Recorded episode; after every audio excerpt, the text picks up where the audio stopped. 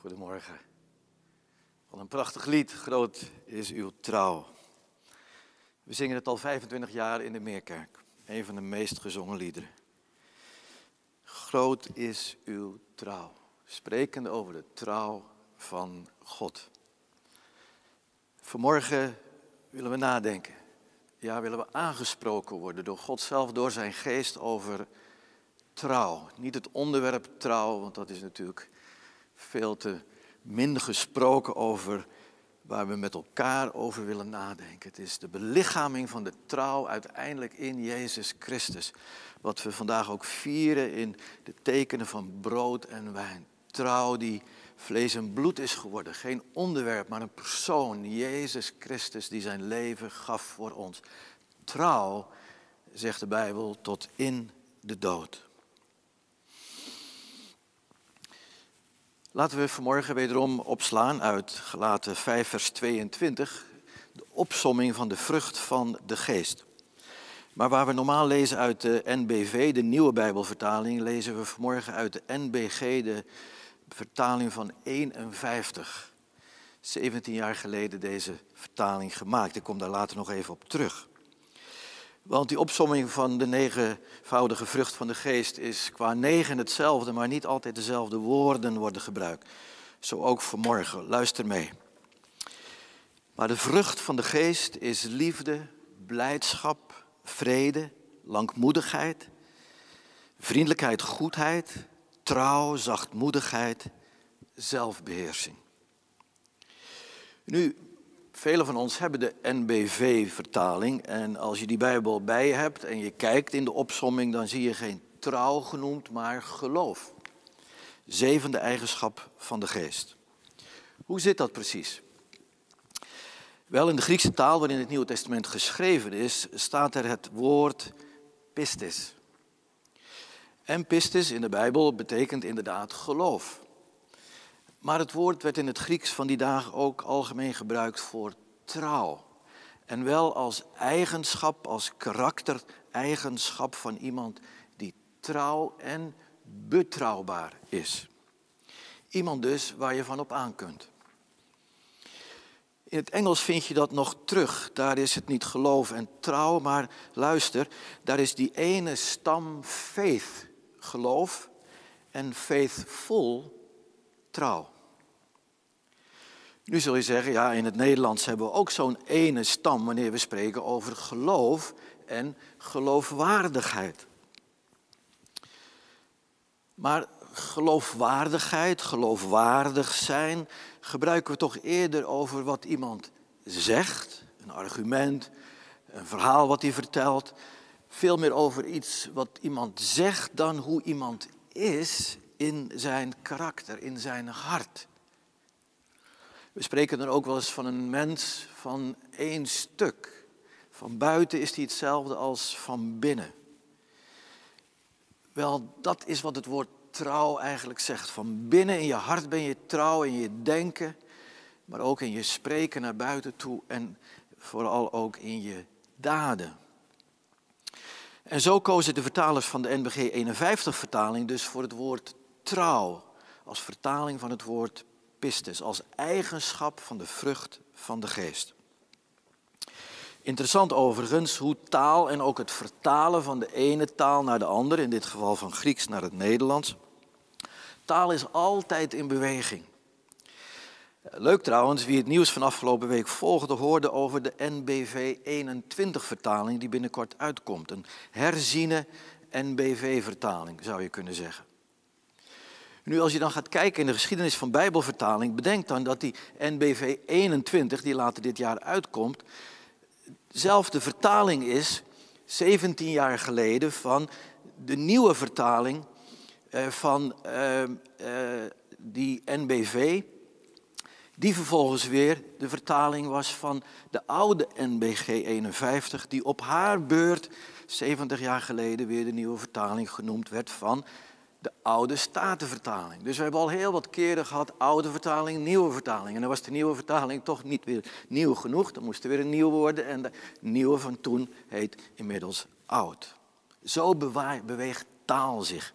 En, en we leven wat dat betreft in een prachtige tijd. Vele van de eerste generatie in de Meerkerk zijn opgegroeid met die ene vertaling van de Statenvertaling. Die inmiddels ook herzien is, uh, verschillende keren al. Maar wat zijn we bevoorrecht in deze tijd, en hoeven we niet altijd te kopen, kunnen we doen via internet, om verschillende Bijbelvertalingen naast elkaar te leggen.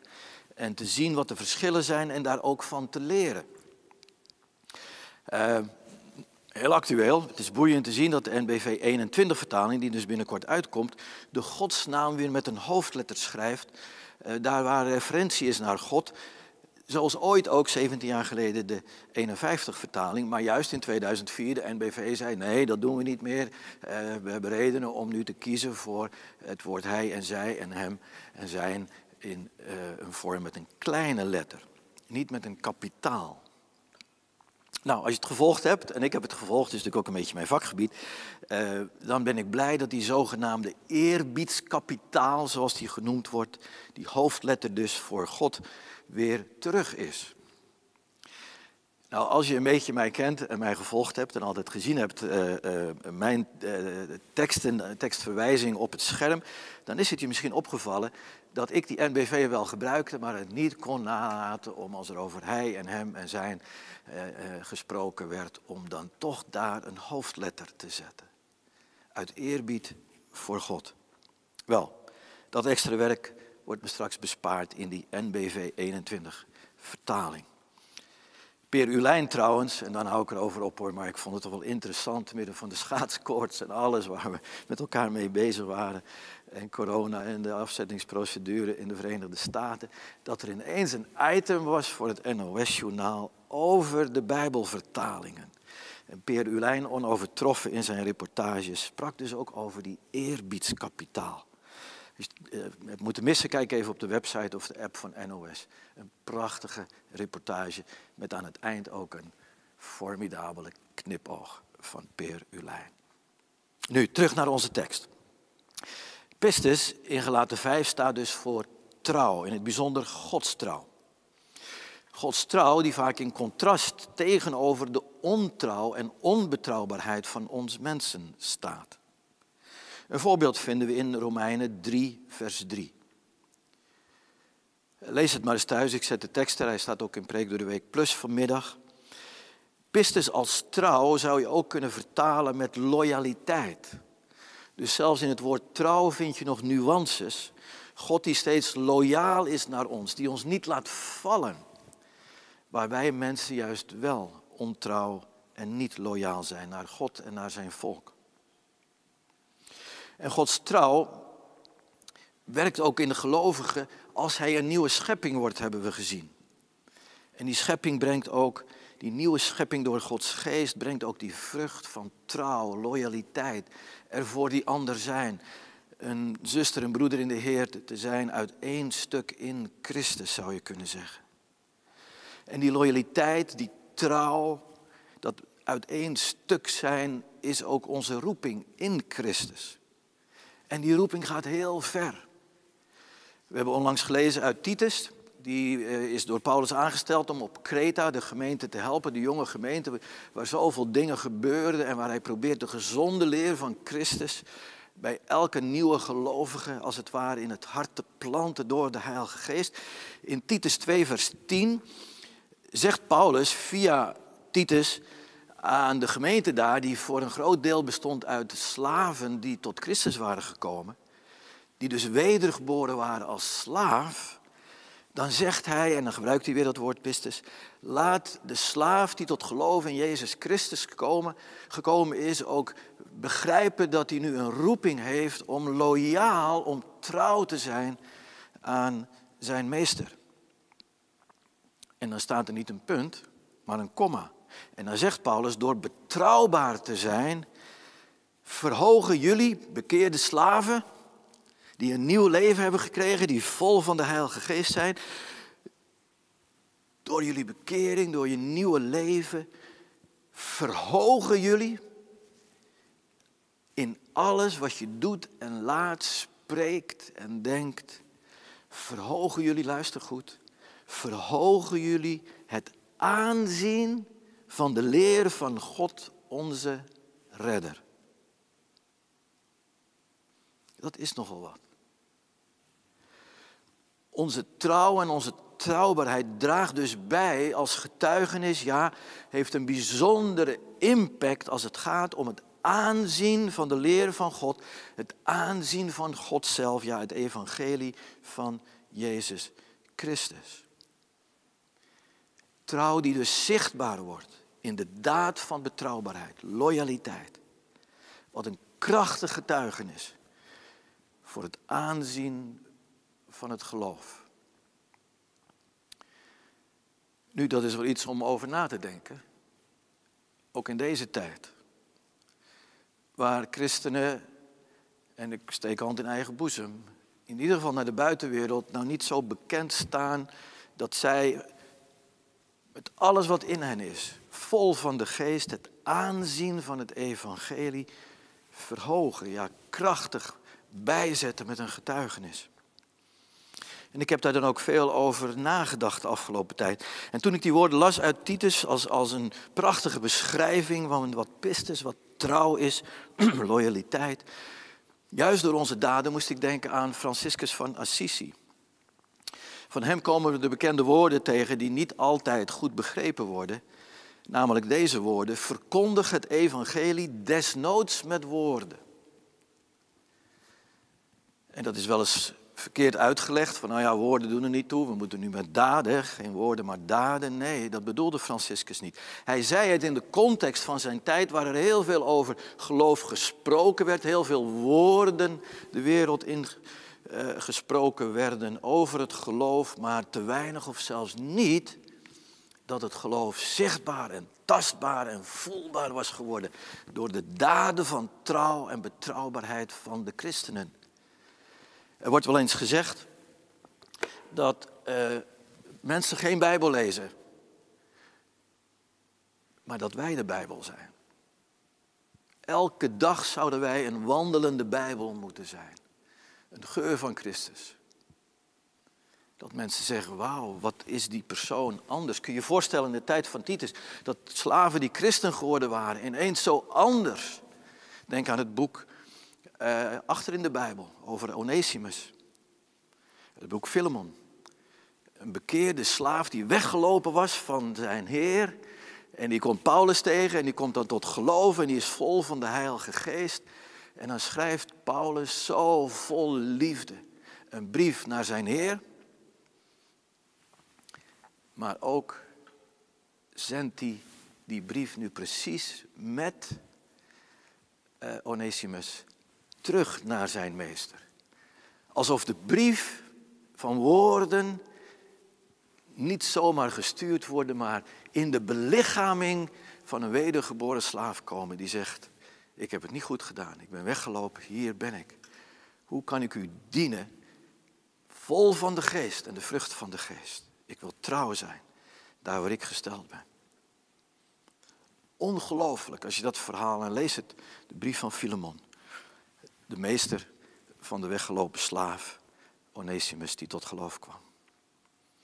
Nu, we vinden dit in één stuk zijn, die onlosmakelijkheid, die eenheid van woord en daad ook in het bijzonder in de brief van Jacobus wordt wel eens gezegd dat dat een hele praktische, pragmatische brief is. En dat, dat, dat uh, Jacobus doorslaat en zegt het woord is niet belangrijk, geloof is niet belangrijk, maar de daad. Hij is ook wel eens uitgespeeld tegenover Paulus. Van, die zegt nee, het is door geloof. En, en de ander zegt nee, het is door onze daden. Maar dat is niet zo. Als je dit begrijpt, dat, dat, dat als geloof, maar ook als trouw die zich uit. Precies de kern van het evangelie is en ook de kern van wat we vandaag vieren, dan begrijp je ook waarom Jacobus over trouw spreekt, ook in de daad, in alle eenvoud. Zegt hij, als we uit één stuk zijn, trouw. Laat dan je ja, ja zijn en je nee, nee. Simpeler, maar ook krachtiger kan het niet. Uit één stuk. Je ja is ja in trouw, je nee is nee in trouw. En Jacobus citeert daarin de Heer Jezus in de bergreden. De bergreden die bij uitstek ook spreekt over wat er in je hart omgaat, zal zichtbaar worden in de manier waarop je door het leven gaat en anderen bejegent, juist in je woorden, juist nog meer in je daden van trouw. Jezus' komst in deze wereld, in zijn lijden, zijn sterven, maar ook zijn opstanding, zou je kunnen zeggen, is Gods ja en amen. Eens schreef Stanley Jones, de grote zendeling naar India, een prachtig boek, Het Goddelijke Ja. Dat trouw is. Dat trouw is. God door de hele schrift heen houdt zich aan zijn belofte. Zijn ja is ja en zijn nee is nee. Maar zijn nee is niet nee als het gaat om de genade. Daarom zongen we ook dat prachtige lied. Daar waar wij ontrouw zijn en nee zeggen tegen het evangelie daarmee, blijft hij dezelfde. Hij blijft ja tegen ons zeggen. Zijn ja van trouw bleef ja tot het einde.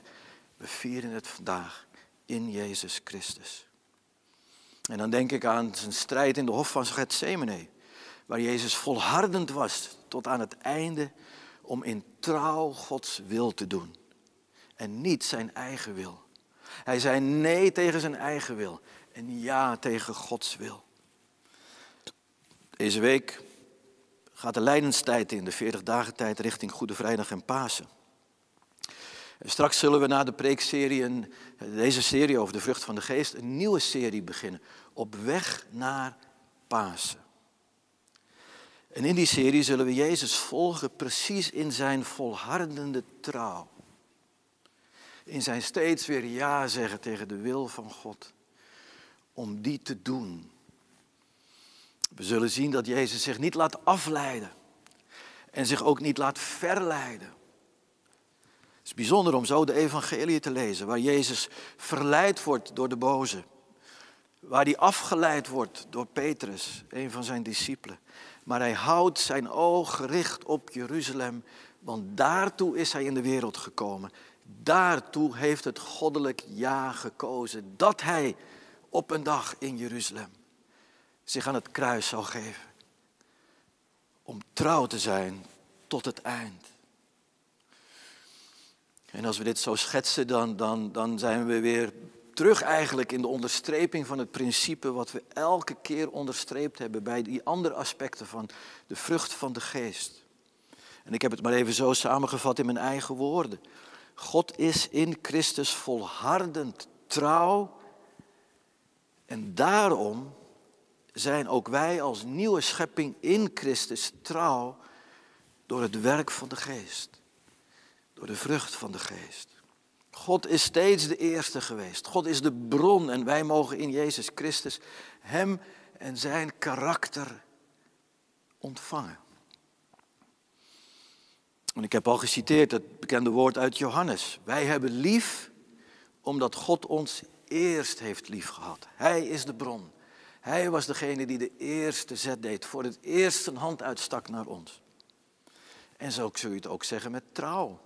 Wij zijn trouw, toevallig omdat we een trouw karakter hebben? Nee, want anderen hebben misschien dat trouwe karakter niet. En we hebben gelezen over de werken van het vlees die we allemaal hebben. In welke hoedanigheid komt het er toch een keertje uit wat we ten diepste zijn in het vlees.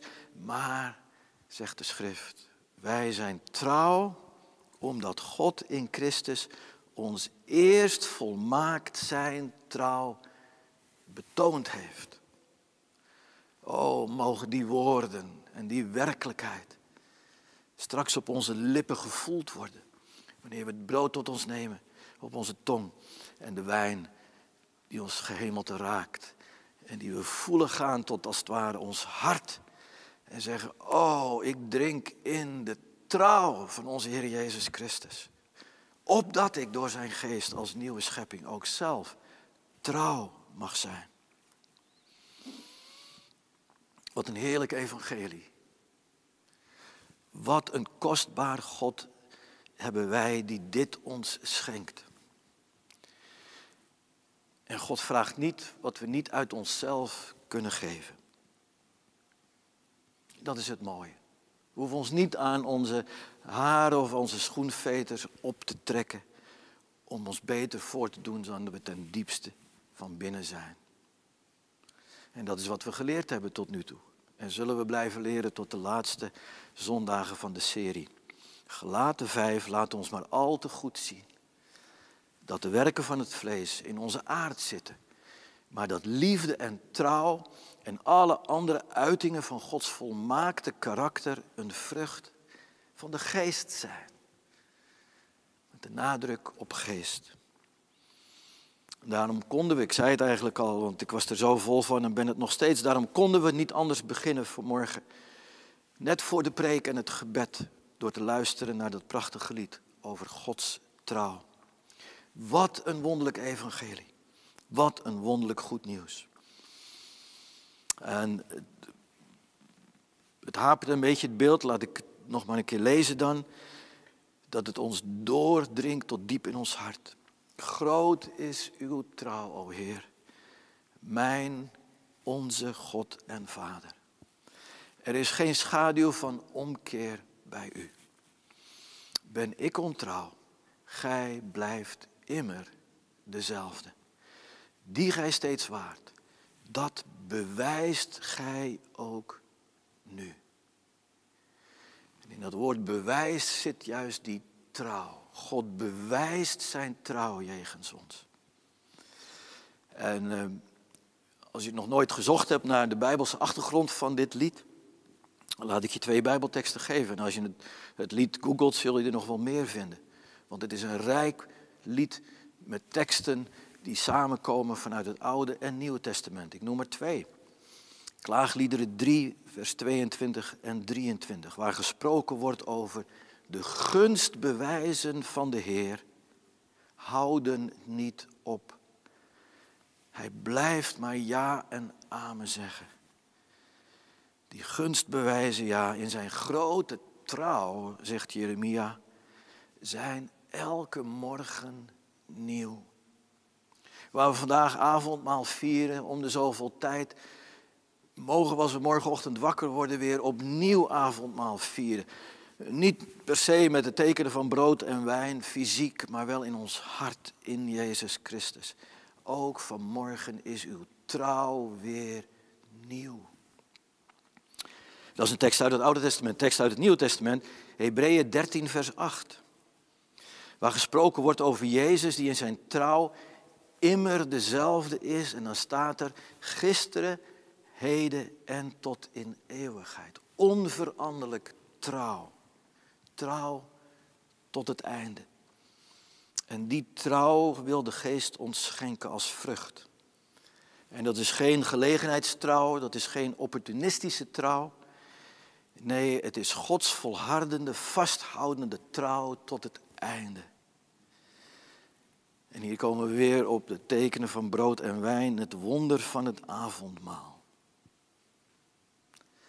En ik probeer me het voor te stellen hoe je daar zit thuis.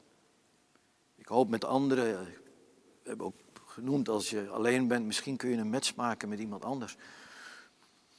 Maar ook al ben je alleen vanmorgen. We vieren het toch tezamen via onze livestream en bedenk, wij hadden vanmorgen niets, maar dan ook niets te vieren als Jezus niet trouw was geweest tot het einde. Daarom dat we ook vandaag gekozen hebben in onze serie om avondmaal te vieren. Hier is het tastbare bewijs van Gods trouw. En wij mogen volhardend trouw zijn tot het einde als volgelingen van Jezus.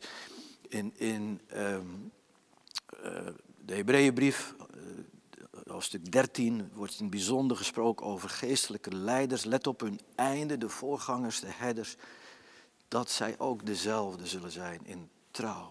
En dat trek ik mij natuurlijk zeer, zeer aan. Trouw. Trouw brengt ons ook terug naar de bredere context van gelaten. En ik noem, voor wie het wil opzoeken, ook in Preek door de Week Plus staat het gelaten 4 vers 2. Daar wordt onderstreept ook weer dat dienaren in de kerk trouw behoren te zijn. Zoals we eerder gezien hebben, is Paulus ontzettend fel in de gelaten brief. En dat komt nu precies omdat daar dienaars waren die niet trouw waren. Niet trouw aan het zuivere evangelie dat Paulus gepredikt had. Hij noemt ze dan ook onruststokers. Ze proberen onrust in het hart te zaaien. Het hart wat één stuk is voor Jezus en Jezus alleen door de genade van het evangelie.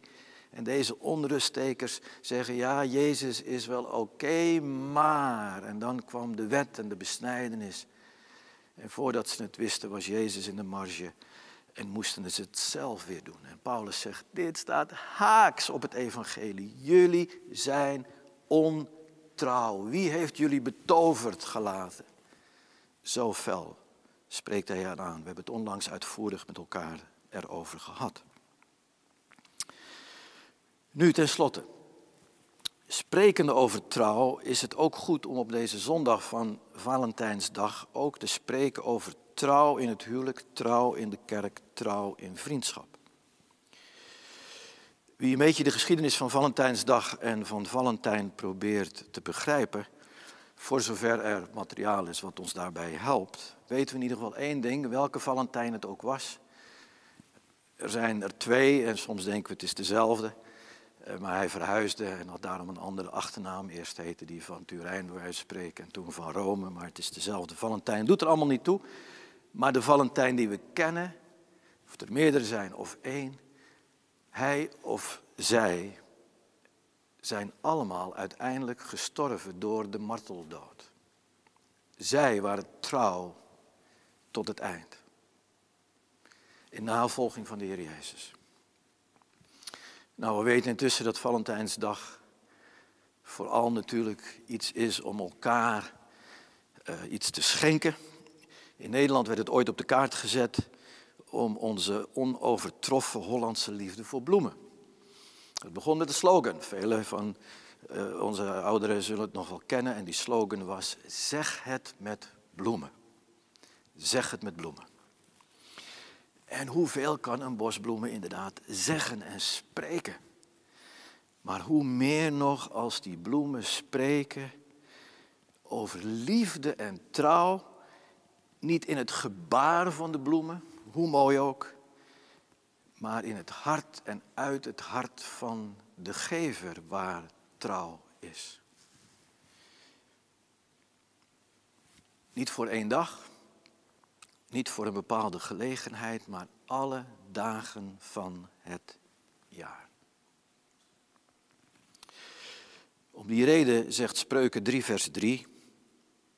Mogen liefde en trouw je nooit verlaten. Wind om je hals, schrijf ze in je hart.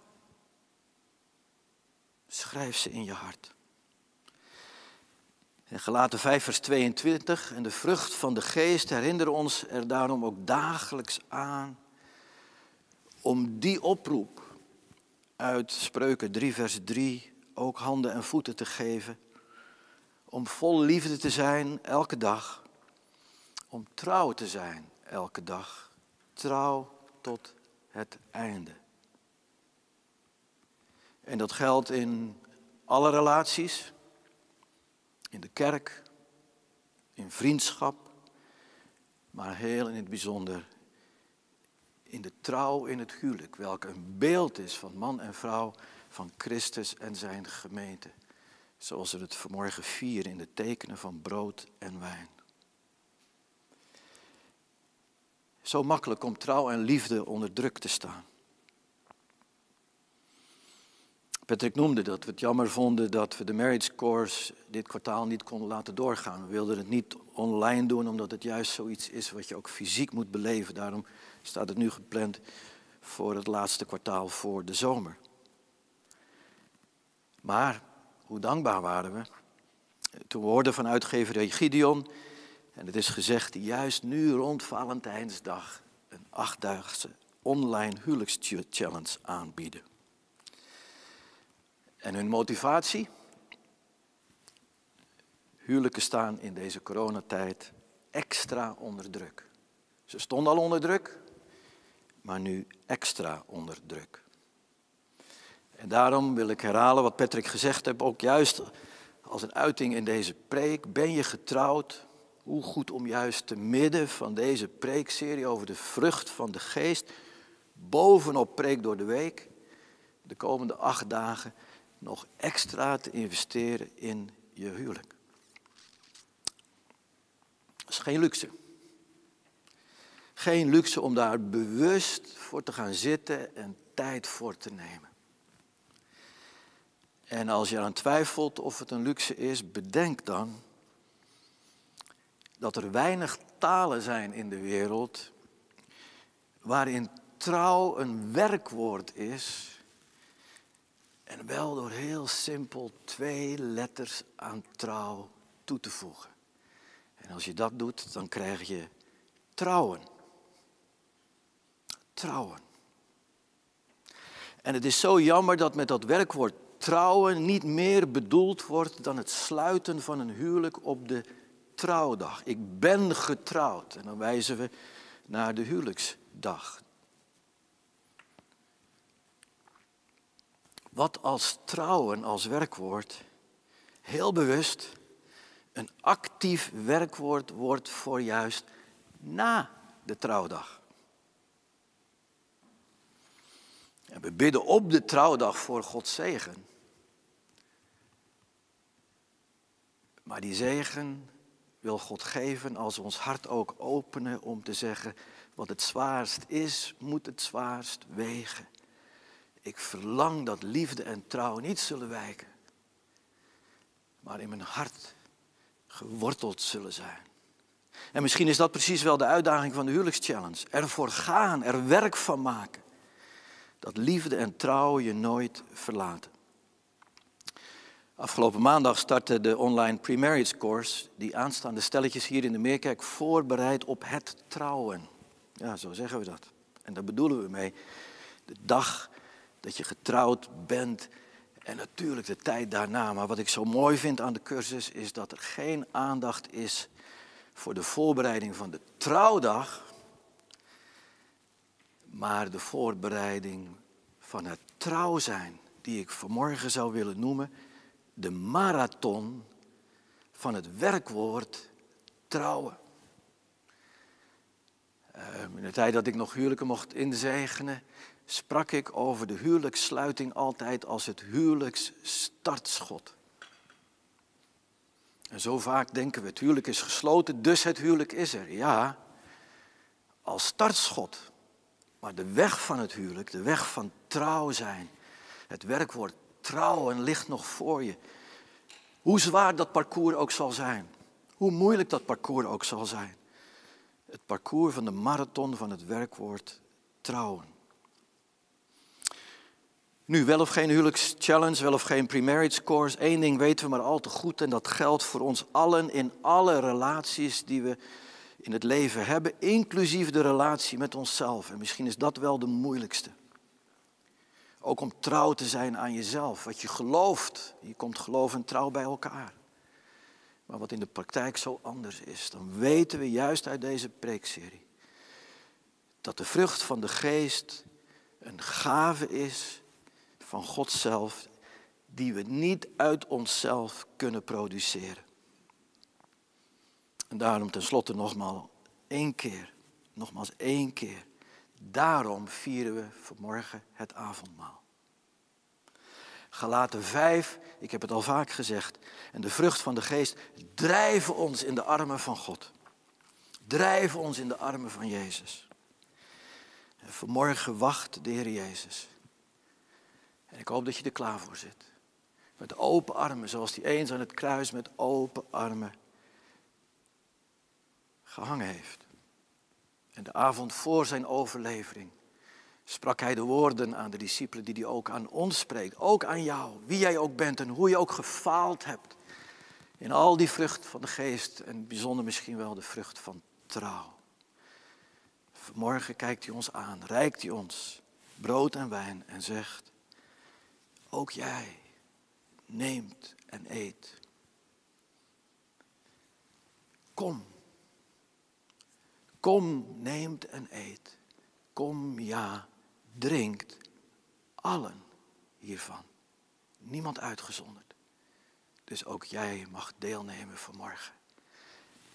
mag deze serie, mag de preek van vanmorgen je drijven in de armen van onze God, geopenbaard in Jezus Christus. Laten we bidden. En zo, heren, waar we uw trouw bezongen hebben en gezegd hebben, ben ik ontrouw, gij blijft immer dezelfde. Groot is uw trouw, o Heer. Is dit het moment om tot u te komen en te zeggen, Heer, vergeef mij, vergeef ons, onze ontrouw. Maar dank u wel dat die, die ontrouw vergeven is. Daarom vieren we avondmaal. Spreek nu in deze momenten tot ons hart. En straks in de tekenen van brood en wijn mogen we uw goedheid proeven. Een van de vruchten van de geest. Mogen u trouw proeven zoals vanmorgen onderstreept. Vrucht van de geest. Hier zijn we. O Heilige Geest, doe uw werk. We mogen nu in stilte ons voorbereiden en zeggen, Heer, hier ben ik. Hier zijn wij en dan bidden we in het bijzonder voor elkaar. Eh, wie we ook zijn, we bidden in het bijzonder ook voor onze huwelijk. Voor onze gezinnen. Voor trouw als partners naar elkaar, maar ook trouw aan onze kinderen, onze kleinkinderen, aan onze familie, onze vrienden, aan onze kerk. Aan onze huiskring, al die vormen die u gegeven heeft om trouw, als het ware, te Om het aanzien van God en de leer van God en onze redder, om die te vergroten. In de wereld, maar ook voor elkaar. Heer, doe het. Spreek zo tot ons in deze momenten van stil gebed.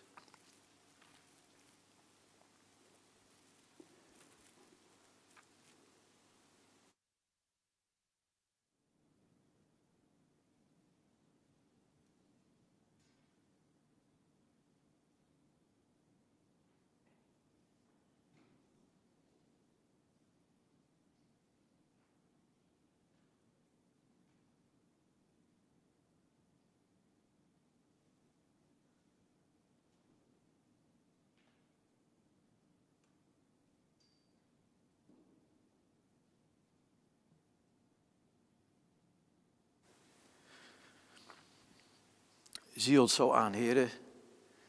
We loven en prijzen u om uw trouw. Doe ons proeven, nu in het avondmaal, als nooit tevoren. Die liefde, die trouw, ja alles wie u bent en in Christus ons geschonken hebt. We danken u in zijn naam, in Jezus' naam. Amen. Fijn dat je hebt geluisterd. Voor meer informatie ga naar www.meerkerk.nl.